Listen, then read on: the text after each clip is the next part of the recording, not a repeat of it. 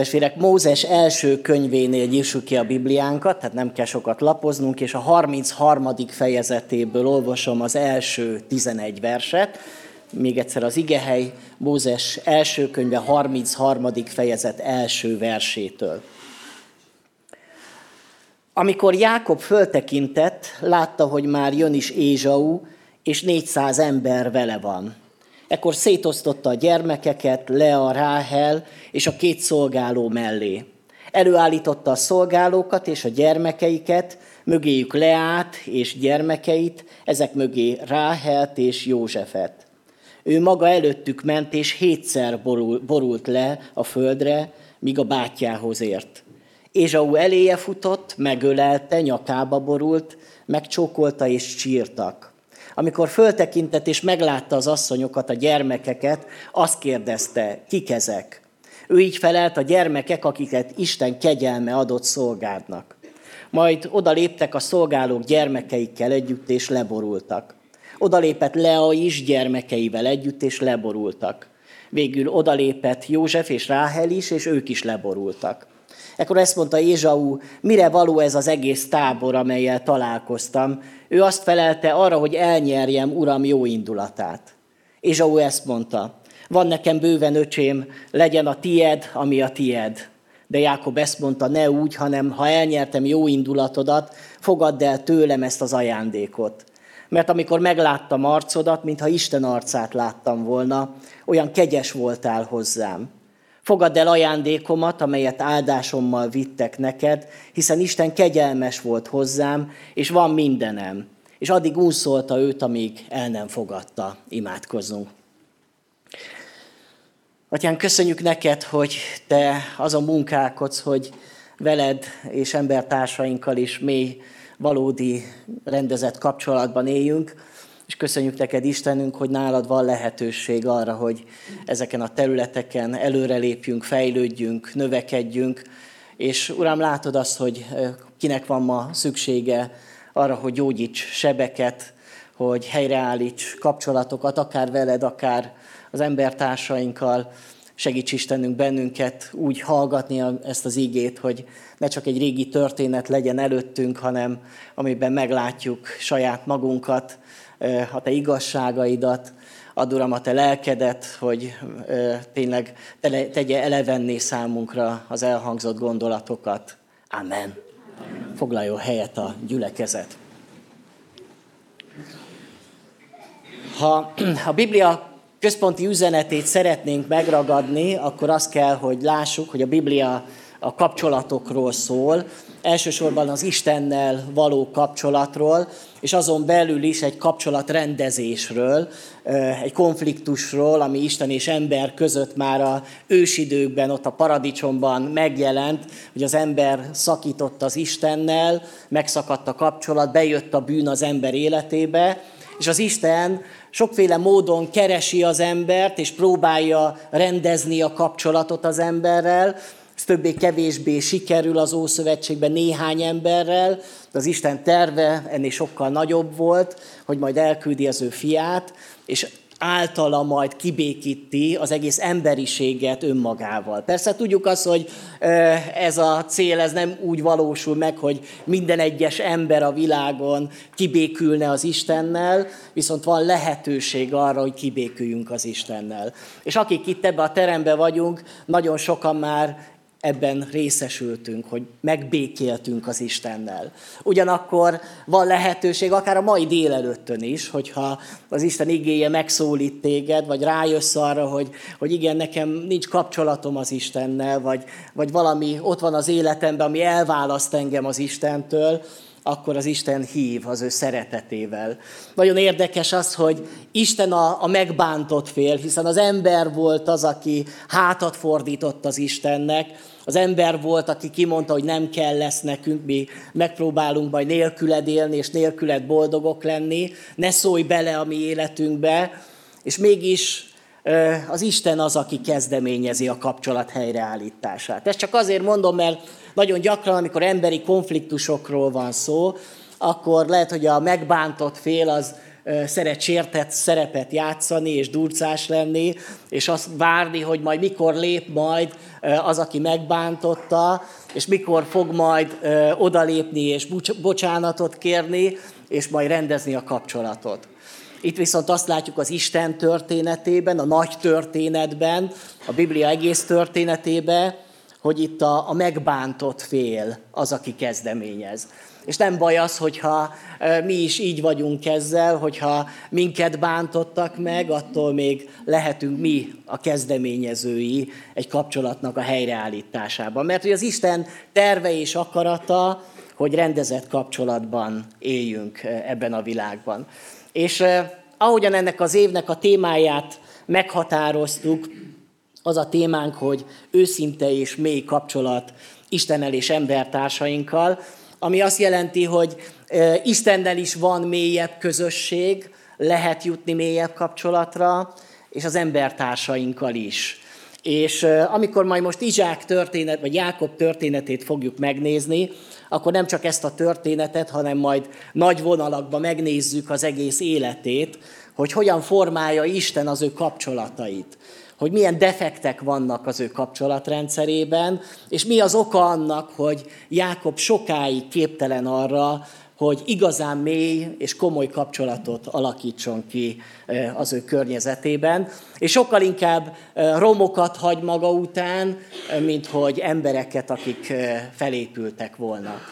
Mi lehet tehát a jó kapcsolatoknak a jellemzői, mi az, amire törekednünk kell, amikor valahol meghatározzuk azt, hogy tartalmas, mély, őszinte kapcsolatokra vágyunk.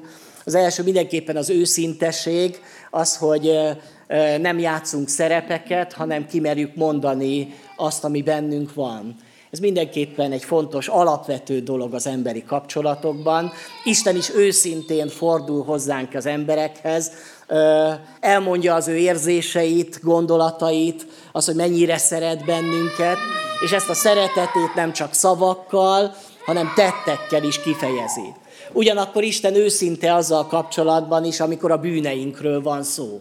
Nem ö, takargatja Isten a bűneinket, hanem nyíltan és őszintén beszél, amikor a Bibliát olvassuk, hogy igen, vannak dolgok az életetekben, amik nem tetszenek nekem. Mondhatná azt az Isten, hogy ú, hát ezekről ne beszéljünk, ez valami kínos dolog, csak biztos meg fogtok sértődni, hogyha ezekről fogok beszélni. De az Isten őszinte, amikor rólunk van szó, és épp ez az őszintesség jelentheti az ember számára, hogy képes arra, hogy megváltozzon. Mindenképpen fontos a kapcsolatokban a bizalom. Erről beszéltünk, hogy ez a kapcsolatoknak egy kockázata, hogy, hogy merünk valahol előrelépni anélkül, hogy tudnánk mindent a másikról, és tudnánk azt, hogy igazán mik az ő szándékai, és hogy esetleg mit fog tenni a jövőben. De a bizalmat megelőlegezzük. Ugyanakkor a bizalomból fakad az, hogy, hogy majd sérülések is lesznek belőle, ezt az Isten is megtapasztalja, és az Isten teljes bizalmával fordul az emberiség felé, és hány és hány sebet okozunk neki. Maga Jézus Krisztus is ezzel a bizalommal érkezett el felénk, és mégis mi emberek keresztre feszítettük őt. Ez a bizalomba benne van, hogy valaki sebeket fog kapni. De ettől függetlenül valahol törekednünk kell és újból és újból bízni a másikba. Ha ez, erre képtelenek vagyunk, akkor be fogunk zárkózni, és akkor falak mögött fogjuk leélni az életünket. Az igazán mély kapcsolatokban benne van a, az életünk megosztása. Az, hogy elmondjuk a gondolatainkat, ér, érzelmeinket, félelmeinket, örömeinket, bánatainkat, megosztjuk önmagunkat a másikkal. Ha ez nincsen benne a kapcsolatban, hanem csak az időjárásról beszélünk, meg a politikai hozzáállásunkról, meg gondolatainkról, akkor az nem igazán kapcsolat. Az igazán kapcsolat abba benne vagyunk mi magunk. Valahol érzelmileg belevonódunk abba a kapcsolatba. Erre is bátorít az ige bennünket, hogy, hogy merjünk így is lépni egymás felé. Mindenképpen fontos a kölcsönösség. Tehát, hogy két ember csak akkor tud találkozni, amikor mind a kettőben van a kapcsolatban, és nem csak egy oldalú az a kapcsolat. erre is törekedni kell. Mindenképpen fontos a tisztelet. Nem csak azok, akik előbb, előbbre járnak, vagy idősebbek feléjük, talán kettős tisztelet is kell, hogy kifejeződjön, de minden emberi kapcsolatoknak alapja a tisztelet. Az, hogy értékelem a másikat, értékesnek látom a másikat, és ezt a dolgot ki is fejezem felé, hogy látom benned az, hogy az Isten hogyan munkálkodik. Aztán ott van a hűség, az, hogy kitartó vagyok a kapcsolatban, hogy nem egyik nap így vagyok, a másik nap úgy vagyok, egyik nap szeretlek, a másiknak meg nem szeretlek.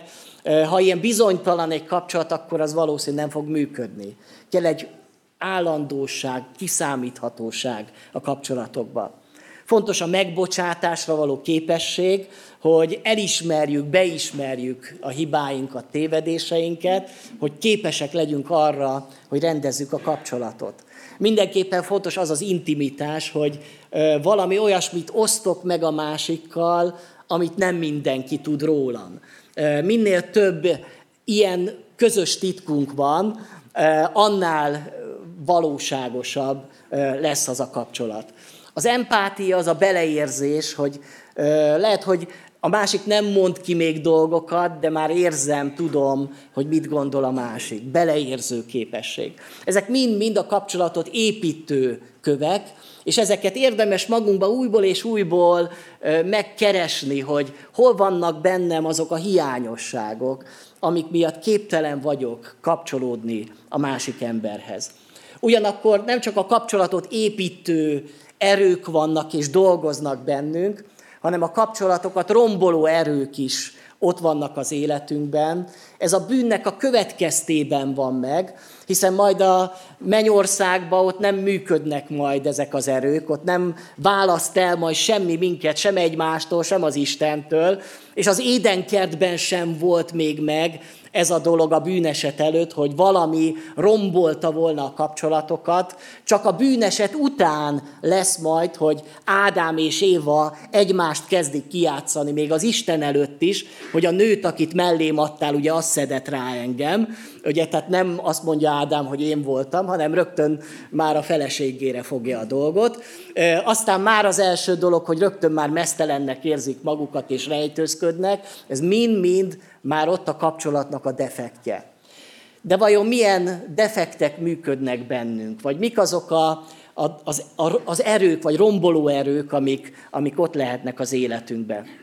Mindenképpen rossz tapasztalatok, csalódások, amiken keresztül mentünk már, és az ember minél idősebb, annál több ilyen rossz tapasztalata lesz majd.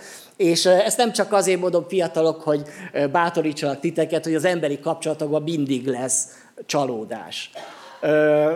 Nem tudom, hogy le lehet-e élni úgy az életet, hogy, hogy nem csalódunk a másikba, hogy nem bántanak meg bennünket, vagy nem ö, érnek bennünket akár hűtlenség, vagy másmilyen elárulás, vagy bármilyen ilyen dolgok. Mindenképp benne van a kapcsolataink között, hogy önzőek tudunk lenni, hogy saját magunkra gondolunk, a saját magunk igazát, a saját magunk érdekeit keressük a kapcsolatba, és nem a másikét. Ez is romboló dolog.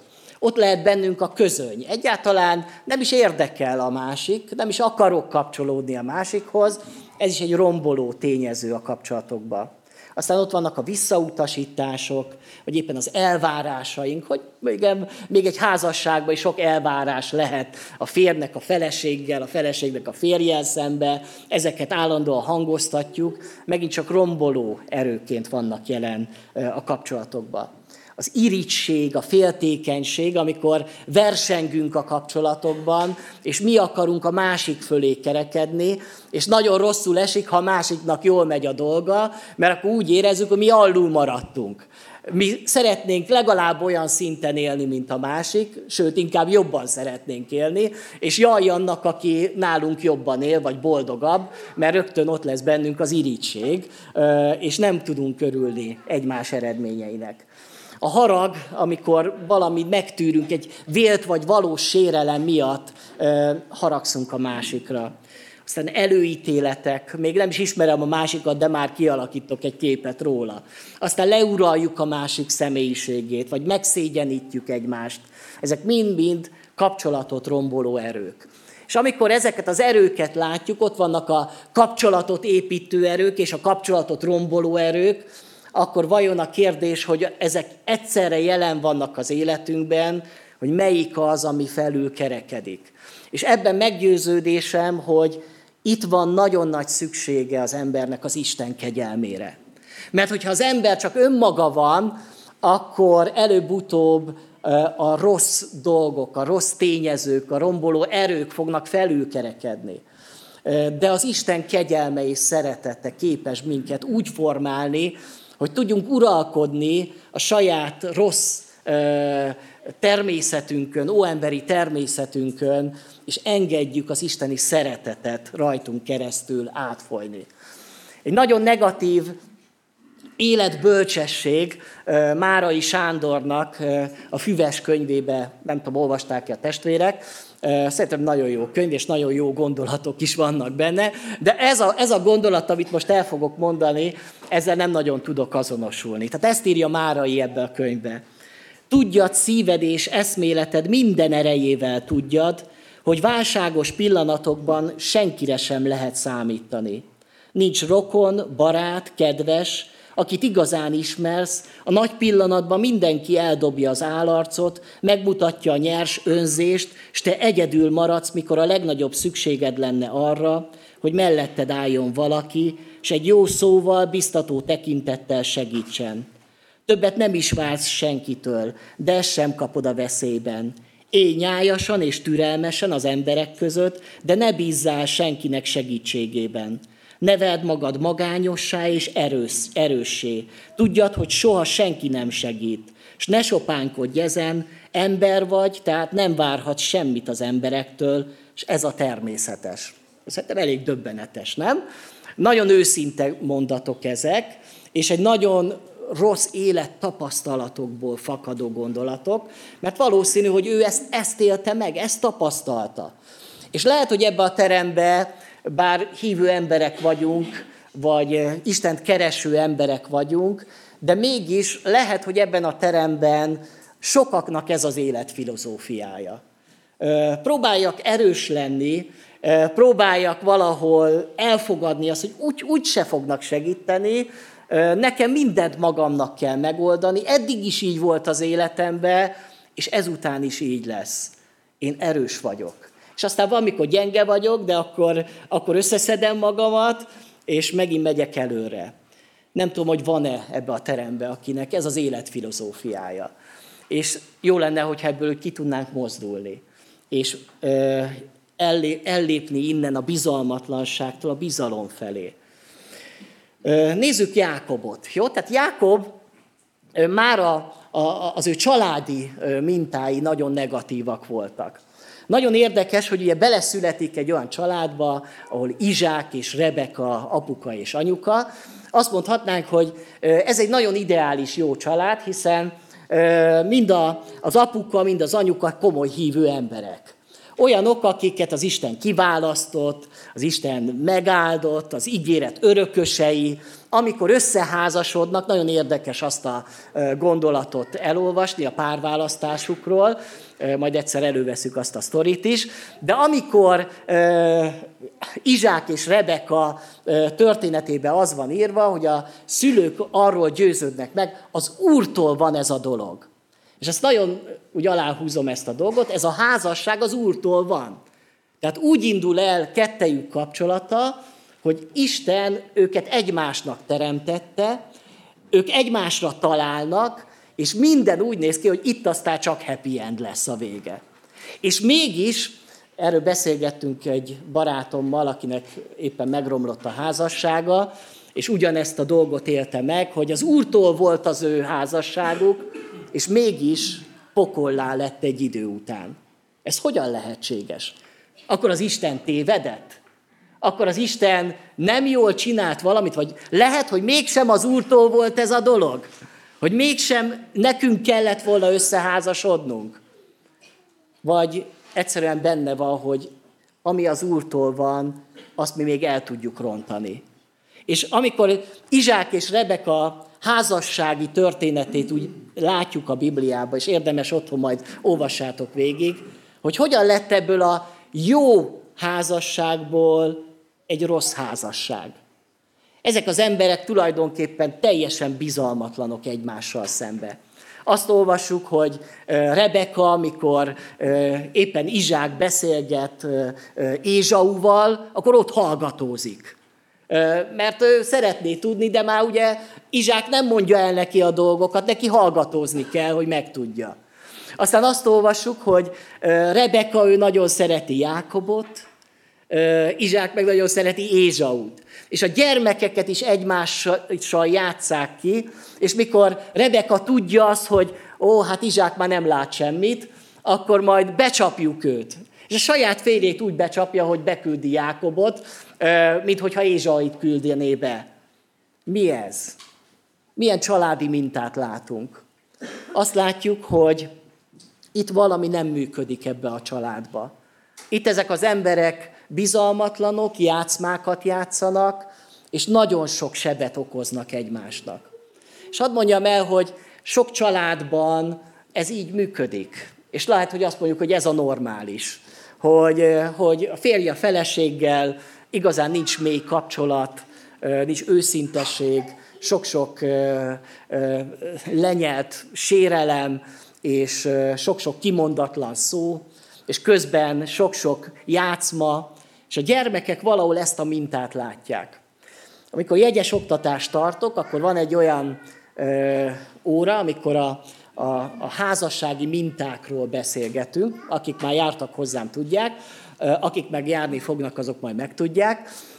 És ez, ez egy nagyon jó óra szokott lenni, mert végignézünk olyan házassági mintákat, amiket a családokban látunk. Tehát, hogy hogyan lehet egy elszigetelt család, vagy hogyan lehet valahol egy veszekedős család. És arról beszélgetünk, hogy milyen családból jöttünk mi. És aztán nagyon őszintén elmondják, hogy hát a mi családunkban ilyen mintákat látunk. És arról szoktunk utána beszélgetni, hogy akkor törvényszerű-e, hogy mi is ugyanezt a hibát fogjuk elkövetni, amit otthon láttunk. Mert én azt gondolom, nagy a, nagy a kísértés, és nagy arra a hajlandóság, hát hiszen azt láttuk, azt tanultuk meg, hogy majd mi is azt fogjuk élni. És lehet, hogy a fiatal azt mondja, hogy ó, hát én úgy nem akarok élni, mint a szüleim. Én nem akarok olyan házasságot, mint a szüleim házassága. És eltelik tíz év, és a te házasság is ugyanolyan lesz. Ugyanazt fogod csinálni, mint a, az apukád meg az anyukád. Lehet-e kilépni belőle? És azt látjuk, hogy Jákob valahol ugyanazokat a dolgokat kezdi majd csinálni, mint amit az ő családjában látott. Ugyanazok a, a csapdák lesznek majd az ő életébe. Milyen jelleme alakult ki Jákobnak? Egy önző ember, aki teljes mértékben úgy gondolja, hogy mindent magának kell megszerezni. Neki harcolnia kell azért, hogy megszerezzen dolgokat az ő életébe. Már azt látjuk, hogy amikor megszületik, még mielőtt megszületett volna, már az anyukájának a méhében már harcolnak. Ugye? Tehát ez emberig elképzelhetetlen, hogy ikreket vár ugye Rebeka, és ott bunyóznak a, a, a méhen belül. És hát nagyon elszomorodik Rebeka, úgy olvasuk a Bibliába, hogy már a, a halált kívánta, mert azt mondja, hogy ezt nem bírom tovább, hogy, hogy már még meg se születtek, már ők verekednek. És milyen lesz majd az életük. És aztán azt látjuk, hogy ezek után folyamatosan ennek a két testvérnek az élete az folyamatos harc és versengés a szüleik elismeréséért. Azért a szeretetért, amit nem nagyon kapnak meg. Ez is torzítja az ő jellemüket és személyiségüket. Jákob igazából kapcsolatok nélkül éli le az életének az első szakaszát. Senkivel nincs igazán mély kapcsolata. Azon kívül megtanul egy nagyon rossz dolgot, hogy a konfliktusokat, azokat nem kell felvállalni, hanem el kell menekülni a konfliktusok elől. És majd ezt látjuk Jákobnak, amikor Ézsaúval van problémája, akkor elmenekül otthonról. Húsz évig haza se megy. Oda se néz, még levelet se ír. Még egy messenger üzenet sem megy. Persze nincsen messenger üzenet akkor még. De nem, nem nincs semmi kapcsolat. Ő azt gondolja, hogy el kell menekülni a konfliktusok elől. amikor majd lábánnal lesz majd konfliktusa, onnan is elmenekül. Mert ezt tanulta meg, hogy a legjobb az, hogyha elmegyünk onnan, ahol baj van. És lehet, hogy a te személyiségedbe is beépültek ilyen viselkedés minták. Olyanok, amik, amik lehet, hogy azt mondod, hogy én nem akarom, hogy ilyen legyek, de ilyen vagyok. És nem tudok megváltozni. És csak azt látod, hogy emiatt nem működnek a kapcsolatok. Mert a kapcsolataink azon múlnak, hogy milyen jellemünk van. Mert a jellemünket visszük bele a másikkal való kapcsolatunkba. Ha nekem torzult a jellemem, akkor képtelen vagyok arra, hogy mély és valódi kapcsolatot alakítsak ki, csak rombolom a kapcsolatot. És közben szenvedek, és magányosnak érzem magamat, de leginkább magam tehetek arról, hogy nincsenek kapcsolataim, hogy magányos vagyok. Értitek, testvérek? A jellememnek kell megváltozni ahhoz, hogy én kapcsolatba kerüljek a másikkal. És az ugyanígy van a házasságokban is. Tehát, hogyha két ember szívja egymás vérét, mert nagyon sok házasságban ezt látom, hogy egymás vérét szívják, és, és mindegyik próbálja a másikat megváltoztatni, ugye? Tehát mert azért csak a másiknak kéne megváltozni. Közben nem jön rá arra, hogy barátom, te neked kéne megváltozni először. Aztán lehet, hogy majd a másik is megváltozik, de, de dolgozzál már egy kicsit magadon. Vedd már észre az, hogy benned mennyi-mennyi romboló erő van. És nem vagy képes arra, hogy szeresd a te feleségedet és férjedet. És ugyanúgy minden más kapcsolatban így van. Hogy ne azt várjam, hogy a másik megváltozik, a világ megváltozik, és akkor majd milyen jó lesz. Magadon kellene keresni. Mi az, ami bennem? Hol van az én jellememnek? Azok a vakfoltjai, amiket én nem is látok, és amit nem is látott sokáig Jákob saját magával. Ezért van az, hogy becsapja a testvérét, becsapja a saját apját, azért, hogy haszonszerzés céljából, hogy megszerezze az atyai áldást, az első szülöttségi jogot, mindent magának akar, tönkretesz mindent. Ott vannak mögötte emberi roncsok, megsérült emberek, fájdalmas szívek, és ő is közben ugyanazt a magányt éli meg. Hát mi ez? Ez az ördögnek a munkája az emberi kapcsolatokban. Aztán azt látjuk, hogy Jákob elmenekül otthonról, miután jó alaposan tönkretett otthon mindent, és azt gondolnánk, hogy na majd újat kezd most az életébe. Hiszen most már egy új terepen van, most már nincsen ott Ézsau, nincsen ott az apja, nincsen az anyja se, aki összezavarná, most majd kilép ebből a mintából. De azt látjuk, hogy Jákob viszi magával saját magát. És ugyanígy van, kedves testvérek, az ember, aki azt gondolja, hogy na majd, ha ezt a házasságot majd felbontom, keresek egy másik lányt, vagy egy másik férfit, és azzal majd boldogan fogok élni az életemet, és azt fogom, arra fogok rájönni, hogy ugyanaz fog történni, mint az első kapcsolatban. Mert hogy én ugyanaz vagyok. Én ugyanazt fogom csinálni. És ezt azt fogom meglátni, hogy ugyanaz történik megint. És újból tönkre teszek valakinek az életét, és újból magányos maradok. Jákob magával viszi a jellemét. És ez hol látszik meg legigazából? Istennel találkozik az út közbe. Ez az első találkozása neki az Istennel, és ez Bételnél van, ő nevezi majd el ezt a helyet Bételnek. És amikor az Isten megszólítja, is, remélem, hogy emlékeztek a történetre, ott egy nagyon e, ilyen, ilyen szépen le van írva, hogy éjszaka látott egy létrát, amin angyalok jártak föl le, és aztán ez a furcsa látomásban az Isten felfedezi, hogy Isten van ezen a helyen, és ott is ezt mondja az Istennek, és figyeljétek meg az ő mondatait, ez igazi Jákob, ha velem lesz Isten, és megőriz ezen az úton, amelyen most járok, ha ad nekem ételül kenyeret és öltözetű ruhát, és békességben térek vissza apám házába, akkor az Úr lesz az én Istenem. Most első hallásra lehet azt mondjuk, milyen hívő imádság, ugye? Mert hogy ez a Jákob azért csak Istennel beszélget, hogy lehetsz az én Istenem, megengedem ugye, hogy te legyél az én Istenem, még akár tizedet is adok neked, de megfigyeltük-e, hogy Jákob feltételeket szab az Istennek. Azt mondja, figyelj Isten, ez legyen egy ilyen, ilyen adok-kapok dolog, ha te megőrizel engem, ha megáldasz engem, ha lesz elég öltözetem, ruhám, meg kenyerem, akkor tudod, mit akkor leszel, a te, leszel az én Istenem. Hát milyen dolog ez? Én megmondom az Istennek, hogy mit csináljon, ha nem ezt csinálod, akkor köszönjük szépen, akkor, akkor innentől annyi. Erről a jövő héten majd bővebben fogok beszélni, az érdekkapcsolatainkról, de tulajdonképpen Jákob ő egy érdekkapcsolatot gondol az Istennel. Azt gondolja, hogy majd ebben az érdekkapcsolatban majd ő profitálni fog. Ő így gondol az Istenre. Addig van rád szükségem, Isten, amíg te engem meg fogsz áldani. De hogyha már nem áldasz meg, vagy nem érzem azt, hogy nagyon megáldanál, vagy nem, segí- nem érzem azt, hogy ott lennél mellettem, meg segítenél, akkor hagyjuk egymást békén. Ez az igazi Jákob. Az az önző ember, aki még az Istennek is megmondja, hogy mit csináljon. Értitek? És lehet, hogy ezt így nehezen ismerjük föl magunkba, ezt a természetet, hogy, hogy ez így bennünk van. Hogy mi még az Istennel is ilyen önző kapcsolatba tudunk kerülni. Még őt is ki akarjuk használni. És addig jó keresztények vagyunk, amíg ezt meg tudjuk tenni. És amikor már úgy érezzük, hogy ez már nekünk nem olyan jó, mert most már nekem is kell valamit tenni, ó, hát adakozni kéne imaházba járni, meg imádkozni, meg Bibliát olvasni, meg szolgálni, azt már köszönjük szépen nem, akkor az már nem kell.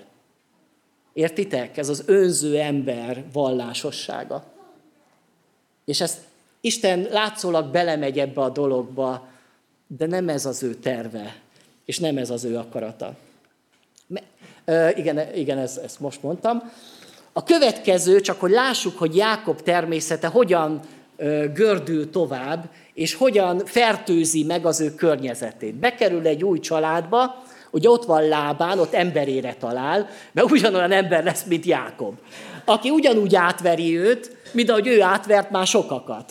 És az ember ugye azt mondja, hogy na most azért visszakapja azt, ugye itt azért működik a szemet szemért fogadfogért, mert hogy ugyanazt kapja lábántól, mint amit ő tett Ézsauval. Hát lábán jó alaposan becsapja, ugye két lányát is hozzáadja, aztán utána próbálja gazdaságilag is kihasználni Jákobot, mindezt valahol átéli, hogy minthogyha a saját tükrét lát, vagy tükört, tükröt látna maga előtt, amikor lábán életét látja. Most ő az elszenvedője annak, amit ő tett másokkal. És lehet, hogy néha ez kell, hogy minket felébresszen valamiből, amikor mi is visszakapunk valamit, amikor velünk is úgy bánnak, mint ahogy a mi bántunk másokkal. És akkor talán elgondolkozunk azon, hogy lehet, hogy én sem csináltam jól a dolgaimat. Aztán látjuk azt, hogy két felesége is lesz, majd Lea és Ráhel. Ő nem ezt tervezte, de hát így alakultak a dolgok. Ráadásul ő azért megszerzi őket úgy, hogy dolgozik értük 7 és plusz 7 évet. Tehát ez azért azt mondjuk, hogy milyen tisztességes dolog, de ez is a Jákob, ugye? Az a Jákob, ha kell nekem valami, akkor én azért megdolgozom. És azt én megszerzem. Ő kinézte magának Ráhelt, az egy szép lány volt, én megszerzem magamnak, és meg is szerezte.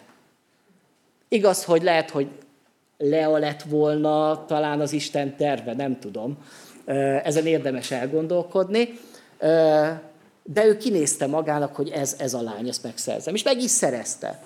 És ezek után tönkre teszi ennek a két nőnek az életét, a két felesége életét. Ha megnézitek a Bibliába, hogy milyen harcok vannak a családban, az 1 Mózes 29 arról szól, hogy az Isten a megvetett Lea mellé áll, és sorba születnek Leának gyerekei. Ráhel meg nem akar. Mi ez? Valahol elkezdődik egy harc, és Lea még azt fejezi ki folyamatosan, bár én gyermekeket szülök Jákobnak, de még mindig nem szeret engem. Annyira vágyik Lea Jákob szerelme után, hogy összetörik teljesen a szíve. És ott van Ráhel, aki ugyancsak nem boldog ebben a kapcsolatban, mert őnek is versenyeznie kell a saját testvérével. Ugyanaz a történet megismétlődik mint ami Jákob és Ézsau között otthon a családba volt. Most ugyanaz a feleségei között, ugyanaz folytatódik. Ugyanaz a harc, az az elkeseredett harc. És azt mondhatnánk, hogy na hát ez az életrendje.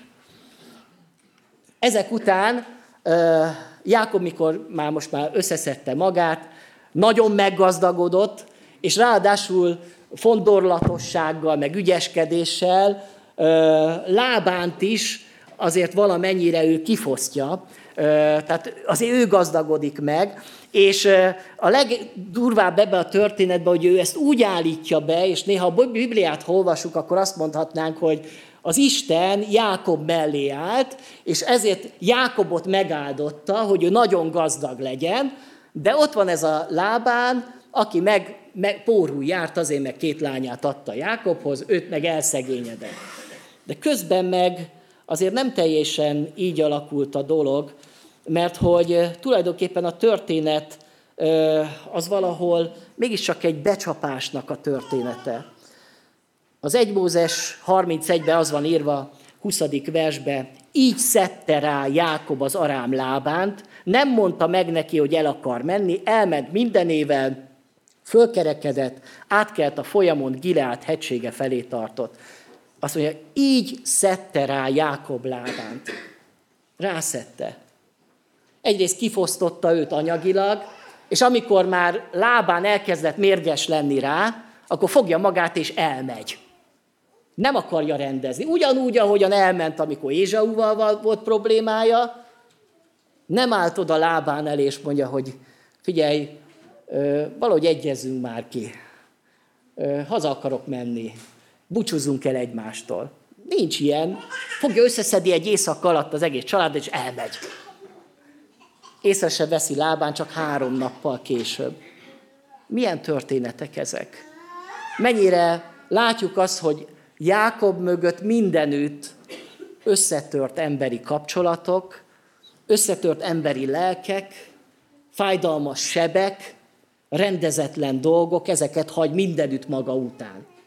És hogyha a te életedet nézed, hogy mi van magad mögött, hogy ott vannak-e azok a rendezetlen dolgok, emberek, akiknek fájdalmat okoztál, akkor lehet, hogy a Jákobi természet benned is nagyon erőteljesen megjelenik, vagy, vagy munkálkodik. Ö, aztán Istennek van egy kegyelme, hogy lábán utoléri aztán Jákobot, és megtörténik egy szövetségkötés.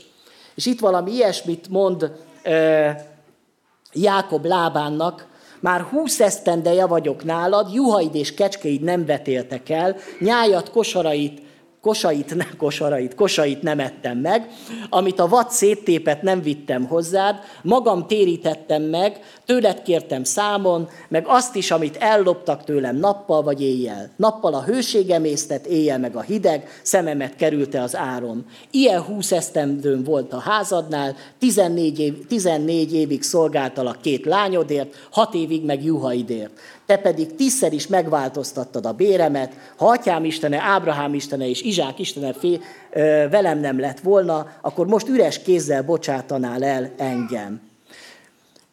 Itt látjuk az, hogy kiönti a szívét lábán előtt Jákob, ő úgy érzi, hogy én vagyok a sértett, és elmondja, hogy mennyi, se, mennyi sebet okoztál nekem, és még mindig nem látja azt Jákob, hogy mennyi sebet okozott ő a másiknak. És lehet, hogy mi is így vagyunk, hogy azt nagyon jól érzékeljük, hogy mások mit csinálnak velünk. Mások mennyi rosszat tettek velünk, akár egy házasságban. Tudjuk azt, hogy a férjünk ilyen, meg a feleségünk ilyen. Tudjuk a sérelmeinket, és föl is írjuk, lehet, hogy ilyen, egy ilyen táblázatba is jegyezzük őket, csak hogy megjegyezzük, nehogy elfelejtsük. De azt, azt már elfelejtjük, hogy mi mennyi sebet okoztunk. Arról szó sincs. Jákob még mindig nem tudja. Még mindig nem látja. Ő mi mindig azt gondolja, hogy én jó ember vagyok, csak mindenki rossz körülöttem. És egy ilyen kegyetlen világban nekem harcolnom kell, és az Isten meg mellém áll, és győztes leszek. Ugye? Ez mennyire keresztényi. És lehet, hogy sokan így gondolják a keresztény életet, pedig nem az. Még bírjátok egy picit? Mert jön a változás, azért jó, hogy nem itt ér véget a Biblia. Szerintem nagyon jó a, a sztori, hogy az idő nem oldja meg a problémát. Ő azt gondolta, hazamegyek, Ézsau már el is felejtette, húsz év eltelt, hazamegyek, összebarátkozunk, és minden folytatódik úgy, mint régen volt, vagy még jobb lesz, mint régen volt. Most már meggazdagodtam, most már minden rendben van. Csak hogy jön az a felismerés, hogy Ézsau ugyanúgy haragszik rá, sőt még jobban, mint ezelőtt. Amikor megy Jákob, jön 400 emberrel Ézsau, nem azért, hogy barátkozzon, hanem azért, hogy megölje őt. Olyan harag gyűlt össze a szívébe, húsz év alatt pedig még elmérgesedett a szívébe a harag, és ezt azért mondom nektek, mert az idő az soha nem oldja meg a konfliktusokat. Az idő mindig elmélyíti a konfliktusokat, ha nincs rendezve. Ez így igaz egy közösség életébe is. Ha nem beszélünk róla, ha azt várjuk, hogy majd elcsitulnak a dolgok, akkor előbb-utóbb ezek úgy elmérgesednek, hogy, hogy szakadás lesz belőle. Egy házasságban is nem beszélünk róla, majd az idő megoldja, és előbb-utóbb majd robban egy hatalmas bomba. És ugyanígy volt ez Jákob és Ézsau kapcsolatában, húsz év után egyszerűen még mélyebben elmérgesedett a konfliktus. Ezek után úgy gondolja Jákob, ugye gondoljuk még mindig Jákobi észsel, hogy van nekem sok pénzem, ugye? Jó meggazdagodtam, ugye lábántól ugye hoztam a sok jószágot, megáldott engem az Isten. Hát majd kifizetem én ezt az Ézsaut, ugye? Hát küldök neki néhány száz tevét, meg juhot, majd megengesztelődik, ugye? Hadd kérdezzem meg, hogy emberi kapcsolatok azok így működnek? Lefizetjük a másikat?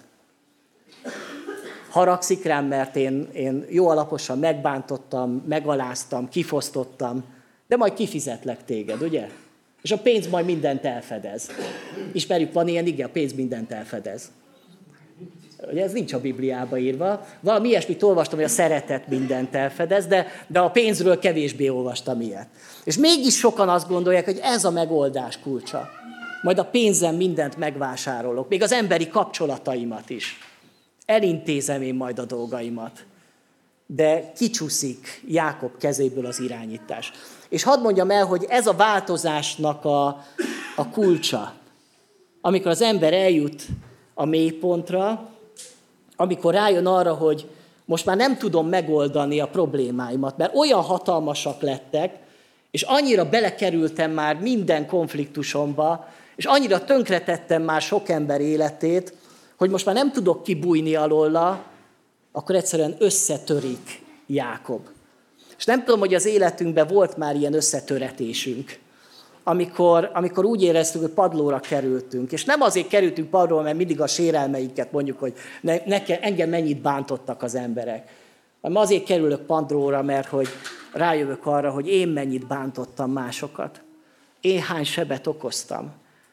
Hányszor voltam olyan figyelmetlen, hányszor voltam olyan érzéketlen. És az így, így a szívemre nehezedik ez a dolog.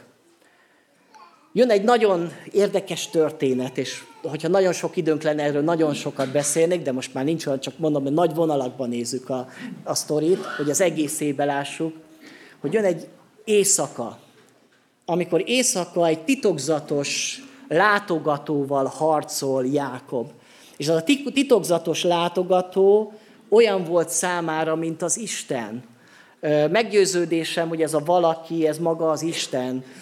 Sőt, egyes biblia kommentárok azt mondják, hogy ő magával Jézussal tusakodik. Ugye ez nagyon érdekes, mert Jézus ugye még nem született meg, hiszen Jézus csak kb. 1700 évvel később születik, de Jézus öröktől fogva létezett.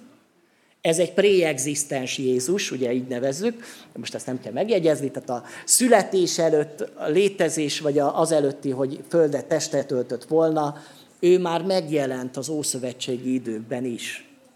Legtöbbször úgy jelenik meg a Bibliában, hogy az Úr angyalaként jelenik meg. Érdemes ezeket, de most ebben nem fogok belemenni. Tusakodik valakivel. És amikor tusakodik kettesben egy egész éjszakát, közben történik valami Jákobban. És ezt szeretném, hogyha megértenénk jó alaposan. A kapcsolat rendezéseinknek a kulcsa van abban, hogy én az Istennel tusakodtam. Hogy én valami történt velem, az Isten, Isten valamit okozott bennem. És lehet, hogy egy egész éjszakát kell tusakodni az embernek, vagy egy, akár egy hetet kell tusakodnia, és, és, és önmagával, meg az Istennel harcol. Éltetek már meg ilyet? Tusakodni éjszaka az Istennel? Harcolni? Fizikailag lehet, hogy nem úgy, hogy birkózol, mint Jákob, hanem, hanem valami olyasmi, hogy, hogy egyszerűen harcolsz, imádkozol, küzdesz, nem jön válasz, de még harcolsz. Ebbe a tusába vagy benne. Tudod azt, hogy valaminek most történnie kell, mert holnap szembe kell néznem nekem Ézsauval. Meg fog engem ölni, és megöli a családomat. És tehetetlen vagyok. Nem tudok mit csinálni. Elfogyott minden erőm. Voltál már ilyen mély ponton, amikor azt mondod, föladom. És itt nagyon érdekes dolog történik, mert hogy Jákob megsérül.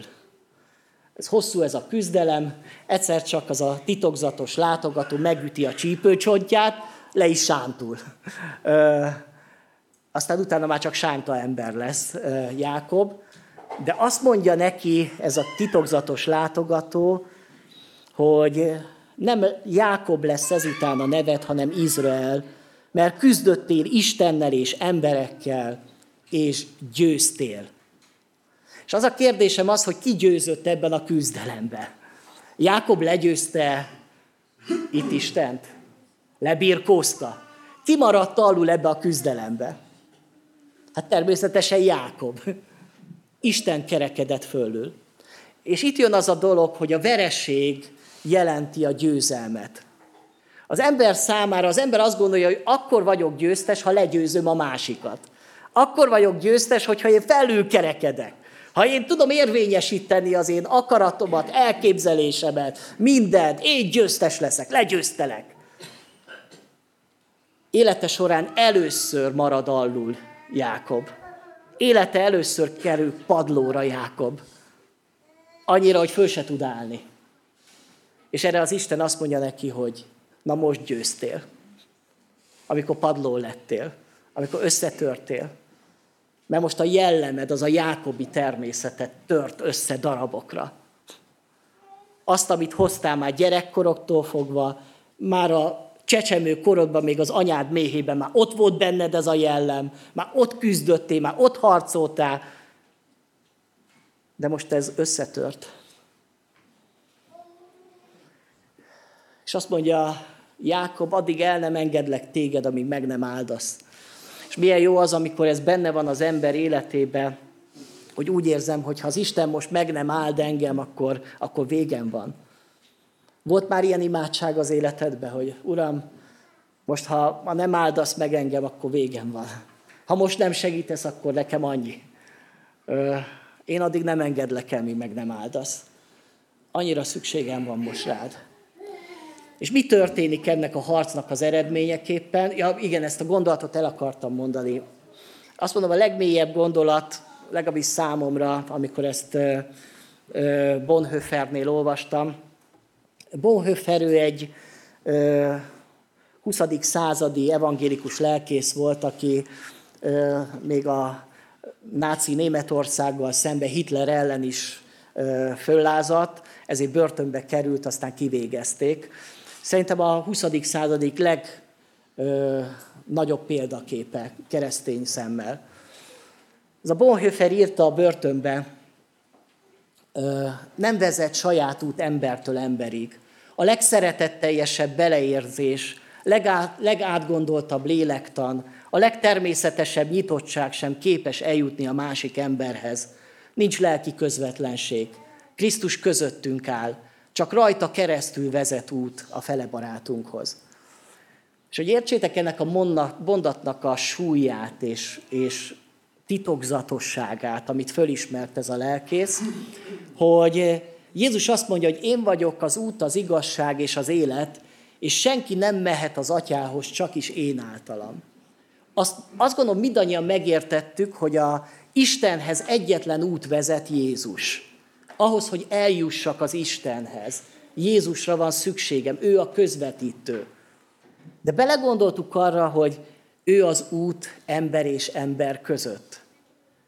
Hogy én vagyok az út, az igazság és az élet, és lehet, hogy senki nem vezet a másik emberhez, a felebaráthoz, csak is ő. Ez szerintem egy még gondolat, és nincs benne a Bibliába, és mégis látjuk, hogy ez működött Jákob életébe. Ő nem volt képes arra, hogy Ézsauhoz oda kerüljön, a másik emberhez oda kerüljön. Az saját erejéből arra volt képes, hogy tönkre tegyen mindent, meg mindenkit, meg magát is. És mindenütt roncs volt minden. De amikor Jézus belépett az ő életébe, akkor volt egy út.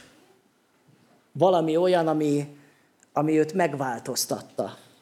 Mert hogy mi változott ez alatt a tusa alatt? Megváltozott a kapcsolata az Istennel. Most már nem egy követelőző ember Jákob, aki azt mondja, hogy na figyelj, akkor üzleteljünk már egy picit, hanem most már tudja az, hogy ki az Isten. Most már tudja az, hogy nem lehet vele játszani. Hogy ő sokkal erősebb nálam, és neki mindig igaza van. Még akkor is, amikor nekem az rossz. Még akkor is igaza van. Megismeri igazán az Istent ebbe a tusába. Jákobból Izrael lesz. Egy új nevet kapott, a Jákob azt jelenti hazugcsaló, Izrael meg azt jelenti, hogy Isten harcosa, győztese. Ugye ezért nevezi a Biblia innentől kezdve az ő kiválasztottjait Izraelnek. Ma is ez az állam neve, Izrael, Jákobtól, aki Isten harcosa. Jákob most már nem menekül, már nem menekül a konfliktusok elől, képes lesz arra, hogy másnap szembenézzen a legnagyobb félelmével, azzal az emberrel, akit ő nagyon megbántott. És most már tényleg befejezem, mert most értünk el a felolvasott igéhez. mert hogy ami eddig lehetetlennek tűnt Jákobban, tehát abban a büszke, harcos természetből biztos, hogy nem jött volna ki, hogy ez az ember olyan alázatos lesz, hogy meglátja az ő testvérét, és hétszer borul, borul le előtte. Értitek? Ez, ez nem csak így ilyen szóbeszéd, ő valóban fizikailag leborul a testvére, megalázkodik a testvére előtt. Olyan módon kér bocsánatot, ami, ami nagyon-nagyon drámai. Mi úgy tudunk bocsánatot kérni, hogy bocsi. Ugye? Tehát azért nem ennyit mondott ugye Jákob. Azt gondolom, ez kevés lett volna ebbe a helyzetbe, bocsi. Aztán küldök neki egy smiley-t. Minden rendben van, ugye? Rendeztük mindent. Van, mikor lehet, hogy ilyen drámaian kell bocsánatot kérni, vagy, vagy meg kell alázkodni. És akkor félre kell tennem az én büszkeségemet, és, mert az már nincsen, mert most mi, mi, hová lett a büszkeség? Most már csak Izrael van. És az Isten harcosa már képes megalázkodni, és azt mondja, hogy, hogy bocsánat, igazad van, én egy alávaló szemét ember vagyok, aki téged megcsaltalak, kihasználtalak, apámat is becsaptam. Meg tudsz nekem még bocsátani? És amikor ez a őszinte bocsánatkérés megérinti Ézsaunak. Ennek a, egyébként Ézsau nem egy hívő ember, tehát olvassatok róla a Bibliába. Tehát ő aztán egy vadember, tehát szőrös, mindenütt szőrös. De egy neandervölgyi, tehát tényleg olyan volt. És akkor jön vele szembe ez a neandervölgyi, meglátja ezt a Jákobot, hogy ott, ott hajlong előtte, és még ennek a szőrös embernek a szíve is meglágyul. És azt gondolom, hogy ez még az ilyen, ilyen emberekkel is megtörténik, akik ilyen nagyon kemény emberek. Akik azt gondoljuk, ez aztán biztos. De amikor látja az igazi szeretetet, az igazi alázatot, az összetör mindent. És ez a nagy ember, ez a erős ember oda megy a testvéréhez, és átöleli. Szerintem a Bibliának az egyik legszebb jelenete, olyan jelenet ez, mint amikor a tékozló fiú hazatér, és az apja eléje fut, és átöleli, és abban az ölelésben benne van minden. Ott nincsenek szavak, ott csak az van, hogy, hogy örülök neked. Olyan jó, hogy hazajöttél, hogy hiányoztál. Te azért mégiscsak a tesóm vagy. Hogy nekünk nem kellett volna ezt a húsz évet így tölteni. Kezdjük előről. Sok minden benne van ebbe az ölelésbe, És ezzel az, ezzel az öleléssel évek, évtizedek fájdalma gyógyul be. Nem tudom, hogy hány és hány ilyen ölelésnek kellene megtörténnie, akár ebben a közösségben, vagy a te életedben, ami begyógyítana sok-sok sebet. Merünk-e így lépni a másik felé, így bocsánatot kérni a másiktól. És azt mondja Jákob, és ez egy nagyon érdekes mondat, még ezt kiemelem a történetből, hogy amikor megláttam arcodat, mintha Isten arcát láttam volna, olyan kegyes voltál hozzám. Ezt mondja Jákob ugye Ézsaunak, ennek a vadembernek, mondom, nem egy nagyon hívő emberről van szó, de azt mondja, most ebben a pillanatban olyannak láttalak téged, mintha az Istent láttam volna. Mert hogy hogyan látszik meg rajtunk az Isten arca, olyan módon, hogy hogyha mi kegyelmet gyakorolunk a másikkal, akkor még az ilyen ézsau természetű embereken is meglátszik az Isten. Ez az Isten, ez a jó bizonyságtétel. Amikor megbocsátjuk egymásnak a bűneinket, miképpen ő is megbocsátja a mi bűneinket, akkor egyszer csak meglátszik az Isten rajtunk. Isteni arc. Engedjük el, hogy az isteni természet rajtunk átvilágítson, hogy jelen legyen a kapcsolatainkba. Ha nem az isteni arc jelent volna meg Jákob előtt, hanem az Ézsau, akkor jaj, jaj, ennek a Jákobnak. Mert akkor az összetöri őt is, meg az egész családját. De most már az isteni arc, mert ez a, ez a szeretet, ez az alázat, most összetörte Ézsaut is, őt is közel vitte az Istenhez. Ezek az Istennek a csodái. Befejezem. Mi az, ami jellemzi most az Istennel való kapcsolatodat? Van egy ilyen érdekkapcsolatod, hogy használod az Istent, vagy próbálod használni az Istent, hogy elérd a saját önző vágyaidat, céljaidat, terveidet, és ehhez kell azért az Isten, mert jól jön az ilyen, ilyen, ilyen erős valaki. Vagy úgy vagy vele, hogy nem én vagyok ebbe az Úr, hanem ő az Úr. Én meg vagyok az, aki szeretnék neki engedelmeskedni. Szeretném őt szolgálni, szeretnék olyanná válni, amivé ő tervezett engem. Van-e már ilyen kapcsolatod az Istennel? Tusakodtál-e már vele az életedbe, és megvívtad-e már az életed nagy tusáját az Istennel? És volt-e már, hogy alul maradtál ott a földön, és akkor, akkor jöttél rá arra, hogy, hogy, hogy megtértél, mert most már új természeted van. Van-e rendezetlen kapcsolatod embertársaddal, akár itt jelen a teremben. És most, hogyha körülnézel, akkor van-e olyan ember, akivel úgy gondolod, hogy nincs teljesen száz, százalékosan jó kapcsolatod? Van mit megbeszélni, van mit rendezni, van mit kimondani, és nem menekülni akarunk egymástól. Olyan rossz volt olyan gyülekezet, ahol volt két testvér, akik ki nem állhatták egymást, és ők mindig, mert nagy volt az imaház, mindig a, az imaház két kiállatán mentek ki. Soha se ugyanazon a kiáraton, mert véletlenül se találkozzanak. Hát így is lehet imaházba jönni, meg így is lehet úrvacsorázni. Csak ennek mi értelme van, nem? Hát milyen jó lenne, hogy ez a két testvér már összetalálkoznának valahol, és valahol esetleg az úrasztalánál ott összeölelkeznének, és és írnának egyet. Van-e ilyen rendezés? Akár a családi kapcsolatodba, házasságodba.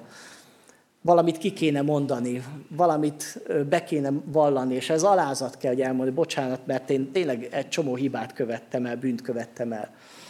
Szükséged van-e ilyen kapcsolatrendezésre? Én hiszem azt, hogy magadtól úgyse fog menni, de ha kéred Isten segítségét, akkor ez meg fog valósulni. Hát remélem, hogy volt értelme, amit elmondtam, nem aludtatok, és kívánom azt, hogy, hogy legyünk ilyen rendezett kapcsolatban Istennel és embertársainkkal. Amen.